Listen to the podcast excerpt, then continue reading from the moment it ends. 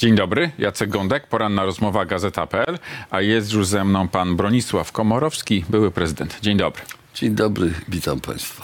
Panie prezydencie, czy pan by podpisał ustawę o Sądzie Najwyższym, którą prezydent Andrzej Duda wysłał właśnie do Trybunału Konstytucyjnego, czy nie? Nie. nie? Weto? Absolutnie, absolutnie dla, i od samego początku. No jak może, można oczekiwać od prezydenta, że podpisze ustawę niekonstytucyjną? A w pana ocenie w jest absolutnie ja- niekonstytucyjna? Według mnie jest niekonstytucyjna, jeśli chodzi o rozwiązania dotyczące Naczelnego Sądu Administracyjnego jako de facto sądu dyscyplinarnego. Yy, yy, więc yy, wie pan, no grzech i błąd był popełniony bardzo dawno temu. Yy, Nie powinno w ogóle dochodzić do czegoś takiego jak yy, rządowy projekt, który nie jest na tyle, yy, pojawia się w Sejmie rządowy projekt, który ma, co do którego prezydent zgłasza wątpliwości natury konstytucyjnej i nic się nie dzieje, nie następuje żadna zmiana. No były propozycje w Senacie poprawek zgłaszane przez Wylądowały opozycję. w Wylądowały w koszu. No Ale panie prezydencie, tę jest- ustawę tak w zasadzie to opozycja też wspierała, bo wstrzymywała się od głosu w przeważającej większości, więc to było de facto wsparcie dla tej ustawy. To było i to zawsze to mm, trochę krytykowałem. Uważałem, że opozycja po pierwsze nie skorzystała z możliwości, jaka istniała, kiedy rządowi na ustawie tej zależało. Rząd powinien zapłacić, tak w cudzysłowie, Polsce demokratycznej dalej idącymi ustępstwami w kwestii praworządności. Można było właśnie zażądać tych poprawek, które były w Senacie przeprowadzane, jako warunku głosowania czy wstrzymania się od głosu. Pan ma rację, w tej konkretnej sytuacji to wstrzymanie się było, miało walor de facto głosowania za. Czyli w pana ocenie Donald Tusk, który w zasadzie bardzo promował, czy też forsował wstrzymywanie się od głosu, gdy przyszło głosować nad tą ustawą, popełnił błąd, tak? Ten błąd popełniły się trzy ugrupowania opozycyjne. Też Lewica Tylko i PSL. Tylko jedno się zachowało w taki sposób, który według mnie, mnie przekonuje, ale każdy ma prawo oceniać to indywidualnie. Ale to był błąd Donalda Tuska, czy To nie? był błąd opozycji demokratycznej. Panie prezydencie, a na kogo dzisiaj by pan głosował? Gdyby teraz. wiem. Nie wie pan? Nie, nie wiem. Nie zadaje pewno, pan sobie na takiego pewno pytania? Był, na pewno, nie, jeszcze nie, bo jeszcze do wyborów jest kawał czasu. A nie wierzę, naprawdę nie wierzę, że pan o tym nie myśli. No, dlaczego? A pan się codziennie zastanawia, na, na kogo będzie głosował za, za, za, prawie, za 10 miesięcy? Ja nie. Więc y, jedno jest Ale to pewne. nie chodzi o to, Będę na kogo głosować za gło- 10 miesięcy, ale Będę, teraz. będę głosował na pewno na opozycję demokratyczną. To głosowanie na PiS to pana nie podejrzewa. Obserwując, obserwując, y, jak się ta opozycja zachowuje i jakie przedstawi program. No ja jednak y, może jestem staromodny, staroświecki, ale uważam, że należy oceniać partie polityczne i ich wedle programów, nie tylko wyborczych, ale tych, które mają, jaką mają wizję Polski. Więc czekam. Partie opozycyjne zapowiedziały, że nie będą się śpieszyły z przedstawieniem y, swoich wa- jakby programowych pomysłów. Ja to rozumiem dlatego że im szybciej się przedstawi propozycje wyborcze, koncepcje, pomysły, tym bardziej PiS będzie niszczył te pomysły szybciej. Więc ja to rozumiem i czekam spokojnie, aż się sytuacja wyjaśni. Ale panie prezydencie, z czymś jednak, nawet jeśli y, mamy 9 miesięcy do wyborów, no to z czymś do ludzi trzeba jednak iść. Nawet jeśli to nie jest program kompletny, to z czymś konkretnym trzeba iść. Absolutnie, absolutnie się z panem zgadzam i czekam na takie konkretne propozycje. Nie ma ich, I tak? obietnice, one jak gdzieś chyba wiszą w powietrzu częściowo, bo to oprócz pewnego rozliczenia y, czasu rządów PiSu, także od strony mm, niedemokratyczności różnych rozwiązań, niekonstytucyjności rozwiązań, oprócz właśnie pomysłu, który się mówi, że trzeba naprawić y, wymiar sprawiedliwości, na przykład no jest też jest oczywistą sprawą, jest y, y, przyjęcie ponownie kursu proeuropejskiego, prointegracyjnego przez Polskę. I jest też y, jako zrozumiały postulat i być może absolutnie aktualny ze względu na kłopoty władzy obecnej z uzyskaniem dostępu do pieniędzy z Unii Europejskiej. To jest postulat załatwienia tej sprawy Krajowego Planu Odbudowy, co dla opozycji nie będzie wielką trudnością. Ale ja czekam także na inne propozycje, które będą adresowane do wyborców. Panie prezydencie, Bo ja a już jestem wyborcą. Ja nie będę kandydował, tylko będę głosował. czyli pana nie kusi, żeby startować na przykład do Senatu, albo nikt pana taką ofertą nie kusi. Nie, już tyle razy mówiłem, że nie mam takich planów. Kandyd- wie pan, no, i mówiłem wiele razy, że jestem politykiem spełnionym. Tak samo jak człowiekiem spełnionym. Więc ja, ja nie mam takiej, takiej chęci wchodzenia jeszcze raz w taką młódzkę partyjną, yy, wyborczą i tak dalej. Ja bardzo chętnie będę, będę starał się być pomocny, jeżdżę po Polsce, e, wspomagam poszczególne osoby albo środowiska polityczne, opozycyjne, ale nie wybieram się do, do e, kandydowania w najbliższych wyborach. A pan I dalszych pewnie też. Panie prezydencie, ale pan kibicuje na przykład y, zblokowaniu, czyli wspólnemu startowi PSL-u i Polski 2050? Tak, bardzo im tego życzę. Wielokrotnie mówiłem o tym. Żałuję, że to może się dokonać bardzo późno. Tak na tyle późno, że nie, mam nadzieję, że dalej mam nadzieję, że to wzmocni te środowiska, ale również mam nadzieję, że wzmocnione środowiska będą mogły łatwiej być postrzegane i same mogą, będą mogły łatwiej postrzegać Platformę Obywatelską jako partnera. Dzisiaj ta dysproporcja jest duża. Platforma Obywatelska ma niekwestionowaną pierwszą pozycję, bardzo mocną pozycję na opozycji.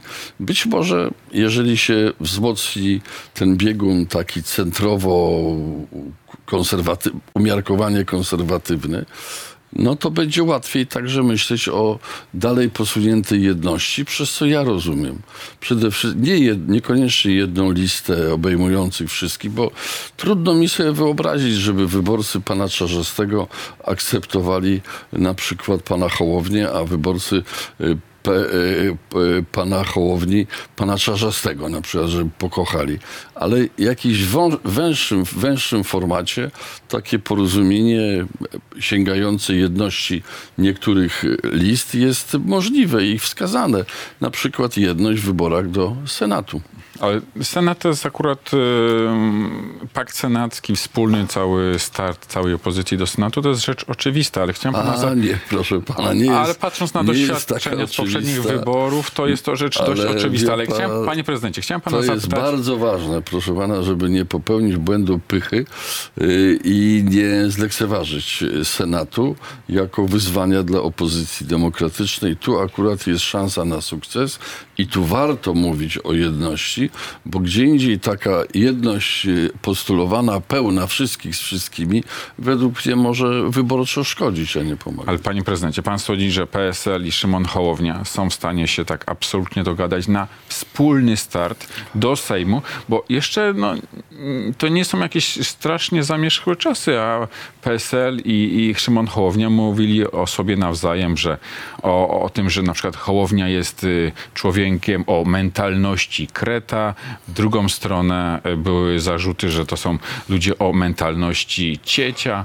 No obrzucano się takimi Ja nie inwektywami. pamiętam tych takich. A ja nie- pamiętam, nie i wiem. Piotr Zgorzelski, i Szymon Hołownia tak mówili pan, o no sobie to tam nawzajem. gdzieś sobie tego. Wie pan, no w polityce nie ma miejsca tylko i wyłącznie na pieszczoty słowne. Jest także i konkurencja.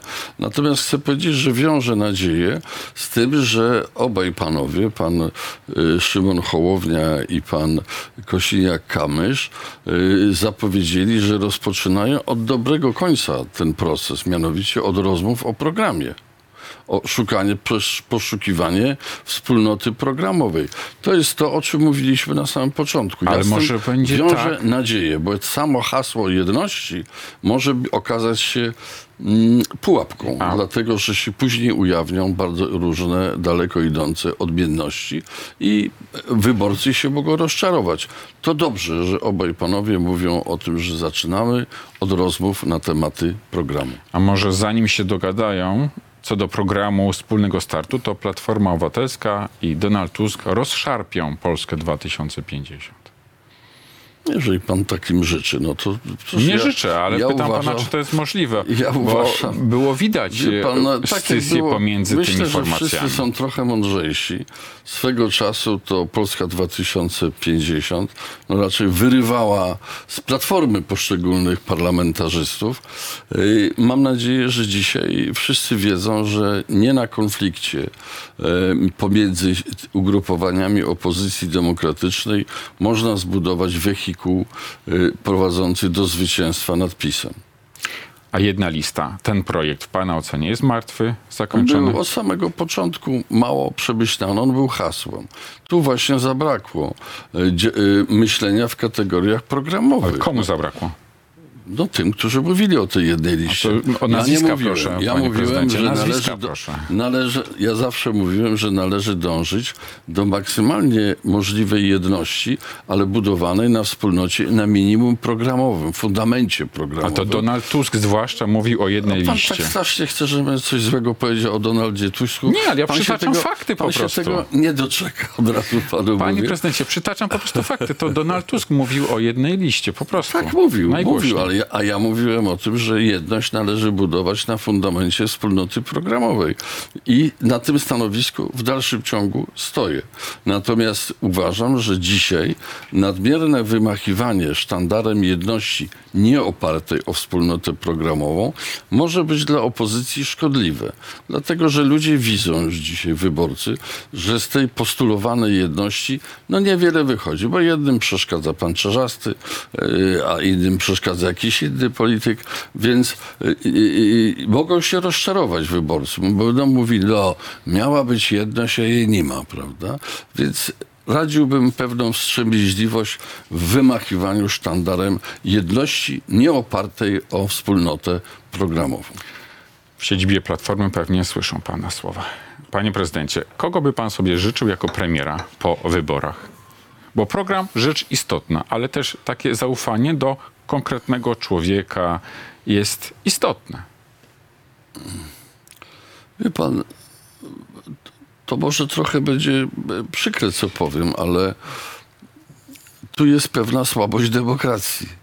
Bo w demokracji e, najważniejszą sprawą jest to, czy kandydat na premiera ma większość w parlamencie. I to jest czasami rozstrzygające. Można sobie wyobrażać różne konstelacje personalne. E, na szczęście jest tak, że y, ja liczę na zwycięstwo opozycji demokratycznej, więc powiem, że po stronie opozycyjnej jest y, szereg osób o znacznym doświadczeniu politycznym albo o znacznych umiejętnościach.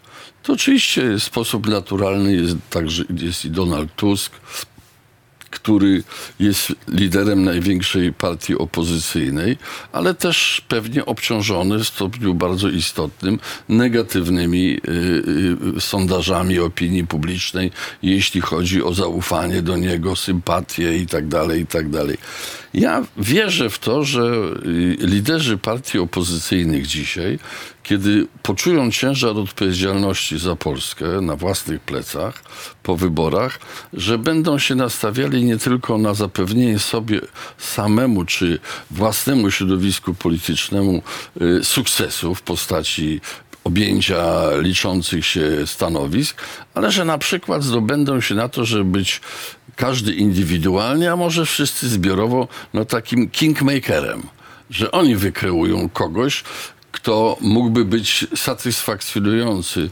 dla Ale po szeroko wyborach, pojętych... czy jeszcze przed Ja bym wyborami? po wyborach, nigdy bym nie ryzykował przed wyborami. Ale Jarosław Kaczyński takiego. zaryzykował i wygrał. Kaczyński miał trochę inną sytuację. Y, y, Natomiast dzisiaj, jak sam tak pan sugeruje między innymi, ale to wielu dziennikarzy, ten temat, kto ma być premierem, jest tematem jątrzącym takim i dzielącym Ale opozycję. zwykle ludzie tak Więc ja podejrzewam, że jednak... unikał takiego, tego. Ja rozumiem, ale pytam pana jako wyborcy. Kogo by pan sobie życzył Ja jako panu powiem, premiera? na przykład myślę, że jest taka kategoria e, wyborców opozycji, którzy najchętniej by usłyszeli, że właśnie liderzy partyjni potrafią się cofnąć i wykreować kogoś na przykład spoza układu partyjnego. Mądrego, doświadczonego, takiego, który nie jest zacietrzewiony ideologicznie na przykład, e, który, który, który mógłby być gwarantem realizowania wspólnie uzgodnionego e, programu e, już powyborczego, czyli rządowego. Więc to, te gusta wyborców są bardzo różne i, i myślę, że dobrze, żeby uwzględniać i gusta takich wyborców, którzy z pewną nieufnością podchodzą do, e, do tej gry partyjnej o zdobywanie kolejnych pozycji. A pan ma na przykład kontakt taki, mm, znacie się bardzo dobrze przecież z Donaldem Tuskiem. Coś pan radzi Platformie, czy nie? Wie pan, ja mam jedno doświadczenie i ono dotyczy zarówno e, moich obserwacji z czasów uczestnictwa w życiu partyjnym, jak i potem z, pola, z punktu widzenia obserwacyjnego, jakim jest były prezydent. No, byli prezydenci generalnie nie powinni, e, tak powiem, próbować e, występować w roli e, aktywnych polityków kreujących rzeczywistość partyjną. Partie tego nie lubią. Partie, każda partia ma powód zresztą tego, żeby uważać, że wie najlepiej, a lider ma odpowiedzialność. Tyle władzy w polityce, ile odpowiedzialności. Więc myślę, że y, ja nie mam takich, takich. To jest moje doświadczenie. Proszę zwrócić uwagę, co się stało z różnymi pomysłami, które prezydentom próbowano wciskać, że mają a to lewicę organizować, a to prawicę organizować. No nic z tego nie wyszło, prawda? Nic Aleksander kwasem. Kwaśniewski nieraz próbował, no i nie wychodziło. No i Lech Wałęsa też, prawda? No więc ja staram się być także mądrzejszy o cudze doświadczenia. Panie prezydencie, a pan obawia się, że wybory mogą zostać po prostu sfałszowane, czy nie? Pan, jeżeli jakieś środowisko podejrzewa, podejrzewać o taką tendencję, łatwość, tak powiem, takie lekkie podchodzenie do kwestii solidności wyborów i uczciwości, no to akurat niektóre środowiska wchodzące w skład Prawa i Sprawiedliwości tak.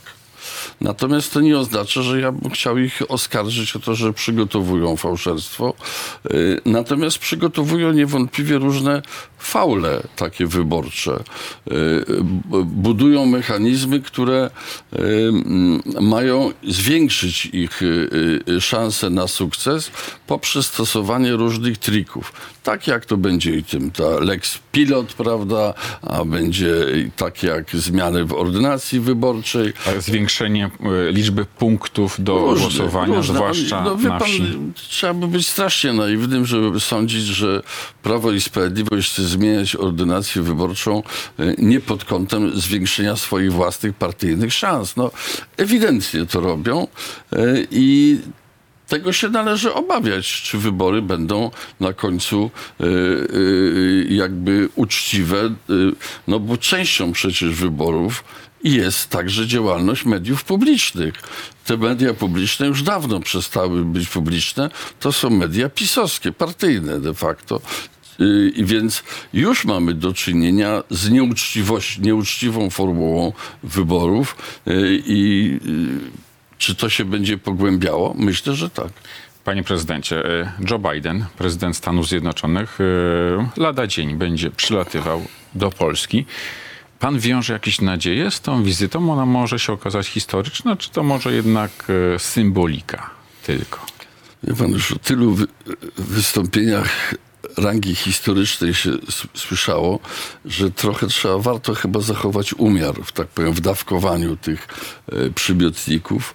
Ale mamy sytuację niewątpliwie- taką, wojna trwa, jest to druga w ciągu jednego roku wizyta prezydenta Stanów Zjednoczonych w Polsce. Tak. I to jest bardzo- Rzecz bez precedensu. to jest bardzo ważne, że tą wizytę de facto adresowano do Ukrainy, ale w jakiejś mierze także do flanki wschodniej sojuszu, prezydent Biden y, zamierza tak odbyć w Warszawie, prawda?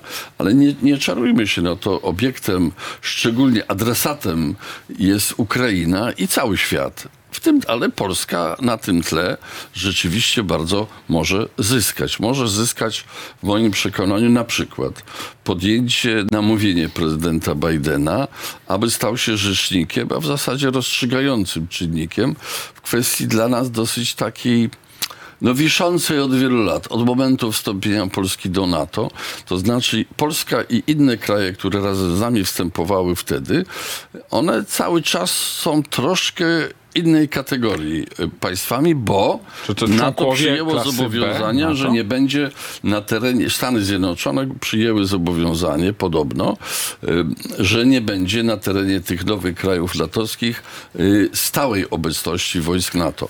Ale NATO to jeszcze sobie jest, z tym ale to jeszcze jest poradziło. układ NATO-Rosja z lat 90. bodajże. To jest jakaś konsekwencja tego. Ale I układ uważam- de facto martwy, tak? No wie pan, nie jest do końca martwy, bo jak pan zauważył pewnie, w żadnym z krajów tej nowy, nowego kraj, nowych krajów NATO nie ma stałej obecności wojsk Ale jest e, ciągła. natowskich.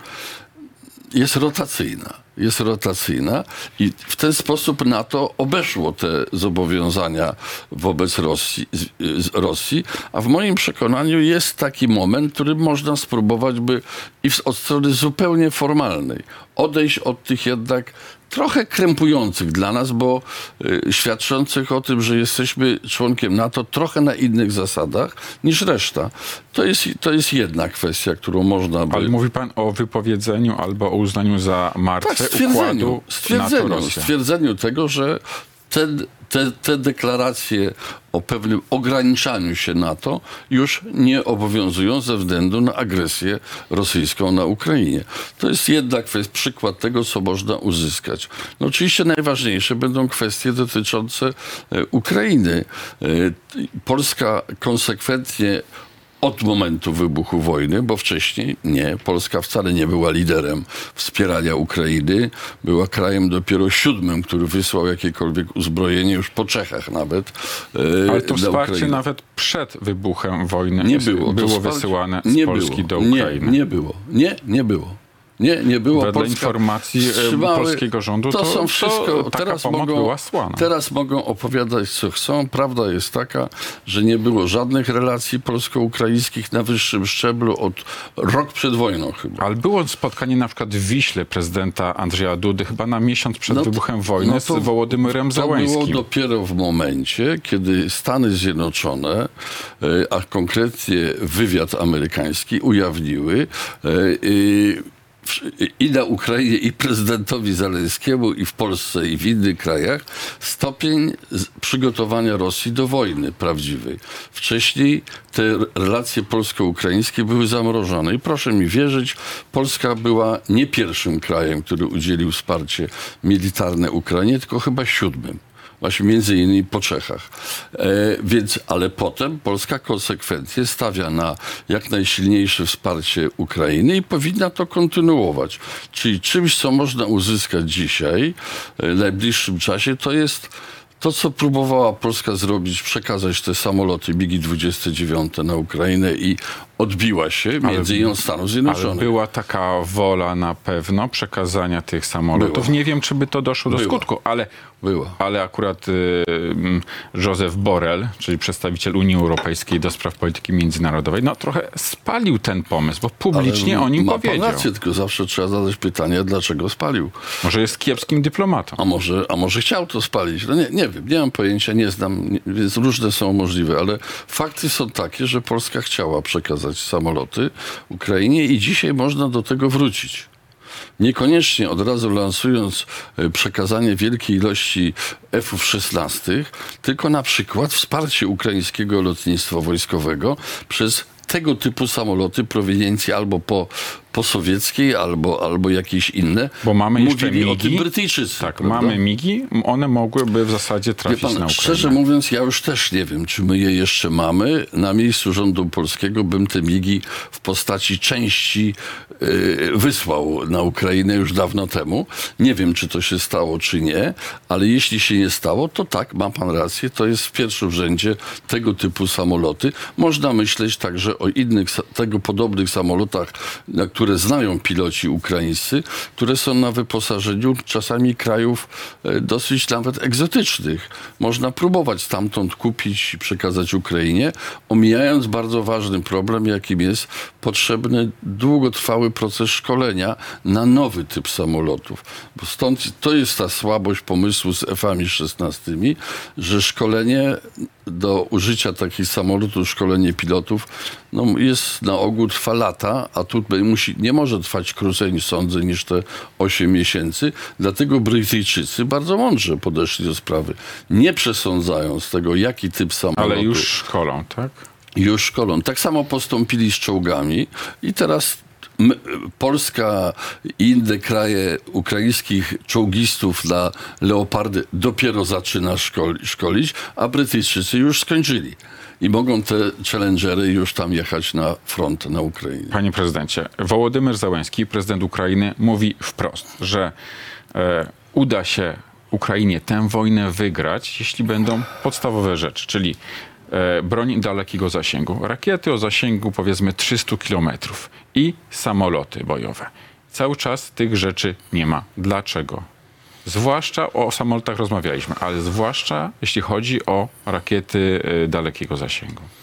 Myślę, że powodów jest parę, ale chciałem powiedzieć, że tak jak sama Ukraina, czy władze Ukrainy, łącznie z prezydentem Zelenskim, co, co Biden ujawnił, nie bardzo wierzył w ogóle w wybuch wojny rosyjsko-ukraińskiej na samym początku.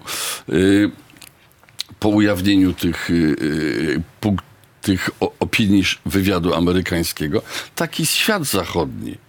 Najpierw nie bardzo wierzył w wybuch wojny, potem jak wojna wybuchła, szczerze mówiąc, nie bardzo wierzył w, w pewność tego, że Ukraina się skutecznie obroni. Potem był taki etap, że świat zachodni myślał, no szczytem marzeń jest to, żeby Ukraina uratowała swoją państwowość odrębną, no ale kosztem strat terytorialnych. Dzisiaj chyba Zachód powoli przewartościowuje własne Ale poglądy pan i mówi zaczyna... powoli, powoli, to może być za wolno. Może być za wolno. Może być, no ale co zrobić, żeby było szybciej? Według mnie musi dojrzeć opinia publiczna także i sfera polityczna do takiego punktu widzenia. I to się chyba dzieje. Yy, To się chyba dzieje, bo dzisiaj świat zachodni, główne państwa świata zachodniego, w moim przekonaniu przesuwają się na pozycję następującą. Być może Ukraina się nie tylko obroni, yy, ale tą wojnę w jakiejś mierze wygra, prawda? To znaczy niewyobraża, niewyobrażalne jest to, żeby doszli żołnierze ukraińscy do Kremla, yy, prawda? I żeby wojna się ta zakończyła jak druga wojna światowa śmiercią Hitlera. To jest niewyobrażalne raczej. Aczkolwiek wyobraźnia ma to do siebie, że wszystko zniesie, ale ta wygrana Ukrainy może oznaczać, można przez to rozumieć po pierwsze e, albo jakieś głębokie przesunięcia na Kremlu w sensie politycznym, albo można oznaczać porażki militarne tak kosztowne, że to Rosja będzie zainteresowana. Ale, panie prezydencie, patrząc pokoju. bardzo chłodno, I to, to jest tak. proces, to musi dojrzeć. Ale- I z tego punktu widzenia świat zachodni mówi, no nie, nie, nie chcemy eskalować tej wojny. To znaczy nie, nie chcemy eskalować, dlatego odmówiono wtedy samolotów. Ja mówiłem, że prędzej czy później i tak dojdzie do tego, że NATO przekaże samoloty, czy kraje natowskie przekażą samoloty Ukrainie. No dzisiaj na naszych oczach już Ukraina dostała nowoczesne systemy rakietowe, artylerii rakietowej, dostaje nowoczesne czołgi. Według mnie w najbliższym czasie nastąpi y, przekazywanie rakiet wydłużonego zasięgu, które pozwolą Ukrainie uderzać w różne miejsca istotne z punktu widzenia karmienia przez Rosjan frontu. Czyli na przykład nie 300 kilometrów, ale powiedzmy 150, bo obecne Hajmarsy mają zasięg około 70, 70. kilometrów. No jak dostaną właśnie to o zasięgu do 300 kilometrów, to będzie to już bardzo duży postęp. A na końcu ja uważam, że prędzej czy później, wolałbym, że prędzej i tak dojdzie do przekazania samolotów Ukrainie. Nie muszą być to F-16. Panie prezydencie, liczy pan na spotkanie i czy takie spotkanie miałoby jakąś istotną wagę? Spotkanie Joe Bidena, Andrzeja Dudy i Wołodymyra Zełęńskiego przy okazji tej wizyty prezydenta Stanów w Polsce. No, wie pan, to by była bardzo symbolicznym wymiarze niesłychanie ważna dla Polski yy, sytuacja i bardzo korzystna. Więc życzę tego Polsce, aby Polska stała się takim jednym z kreatorów przyszłej sytuacji politycznej w naszej części Europy. Niewątpliwie y, może być tak, że y, jeśli Ukraina tą wojnę wygra w jakikolwiek sposób, jeśli to się dokona stosunkowo szybko, czyli bez już kompletnej ruiny gospodarki ukraińskiej, to znaczenie Ukrainy w przyszłym, jakoś y, flanki wschodniej systemu zachodniego będzie rosło. Razem z Polską, no to jest jednak potencjał około prawie 80-milionowy. To jest naprawdę potęga. Potencjał gospodarczy będzie na Ukrainie odbudowany, chyba, że do, dojdzie do zamrożenia konfliktu na długie lata, a nie jego likwidacji. To wtedy będzie to katastrofa ekonomiczna Ukrainy. Ale jest szansa na to, że jakieś szczególne zbliżenie polsko-ukraińskie na przyszłość, wspierane przez Stany Zjednoczone i akceptowane przez Unię Europejską, może być czynnikiem zupełnie, tworzącym zupełnie nowy ład, jeśli chodzi o bezpieczeństwo w tej części świata. A pan w takiej niedalekiej przyszłości widzi Ukrainę w Unii i też w NATO?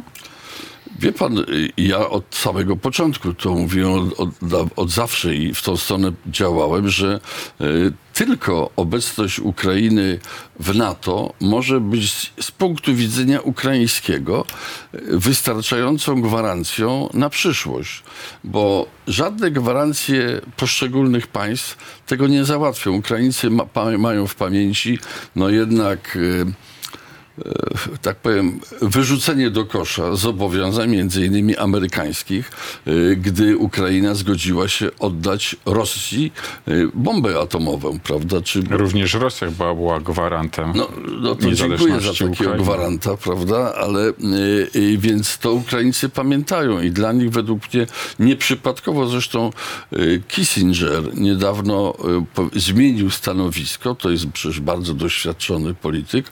On był niechętny wciąganiu Ukrainy do świata zachodniego, a teraz mówi tak, trzeba Ukrainę przyjąć do NATO. Dlaczego on tak mówi? Dlatego, że wie, że to może być zachętą dla, dla Ukrainy nie tylko do toczenia wojny bardzo w sposób dzielny i zdecydowany, ale również do dążenia świadomego do zawarcia pokoju, bo za plecami Ukraina by miała właśnie rzeczywistą, a nie papierową gwarancję bezpieczeństwa. Dobrze, że i Henry Kissinger, e, postać legendarna w dyplomacji, poszedł po rozum do głowy. Absolutnie tak. I ja myślę, że to jest, y, symbolizuje to pewien proces zachodzący w myśli politycznej Stanów Zjednoczonych, ale także i całego świata zachodniego o Ukrainie. Stawiamy kropkę. Bronisław Komorowski, były prezydent. Dziękuję panu serdecznie za rozmowę. Dziękuję bardzo. Wszystkiego dobrego. Państwu również dziękuję i do zobaczenia.